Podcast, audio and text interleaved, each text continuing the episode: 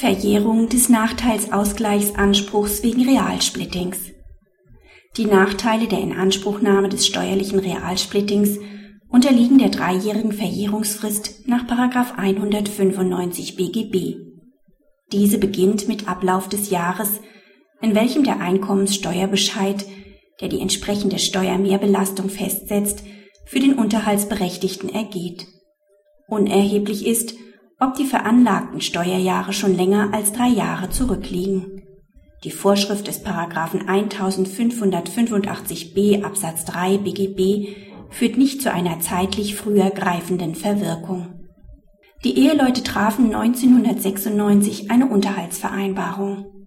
Gleichzeitig verpflichtete sich die Ehefrau, dem steuerlichen Realsplitting zuzustimmen.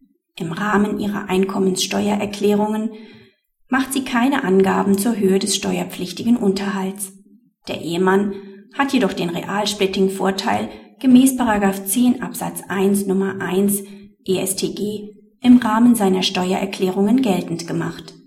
In den Jahren 2005 und 2006 erlässt das Finanzamt für die Ehefrau sodann die geänderten Steuerbescheide für die Jahre 1996 bis 2004 mit entsprechenden Nachzahlungspflichten. Die Ehefrau verlangt daraufhin vom Ehemann den Ausgleich des Nachteils in Höhe von insgesamt über 30.000 Euro. Die für das Verfahren begehrte Prozesskostenhilfe wird vom Amtsgericht nur zum Teil gewährt. Die hiergegen gerichtete Beschwerde der Ehefrau ist erfolgreich. Der Ausgleichsanspruch der Ehefrau ist nicht wegen Ablauf der regelmäßigen dreijährigen Verjährungsfrist verjährt, denn der Ausgleichsanspruch verjährt nicht mit Ablauf des jeweiligen Kalenderjahres. Verjährungsbeginn ist der Zeitpunkt, in welchem der Ausgleichsberechtigte sichere Kenntnis von der steuerlichen Belastung hat, die aufgrund des Realsplittings entsteht. Dies ist der Zeitpunkt des Erlasses der entsprechenden Steuerbescheide. Eine Verwirkung des Anspruchs analog 1585b Absatz 3 BGB scheidet ebenfalls aus. Das Zeitmoment mag dabei infolge der späten Steuerbescheide noch erfüllt sein. Das Umstandsmoment, wie es 1585b Absatz 3 BGB verlangt, jedoch nicht.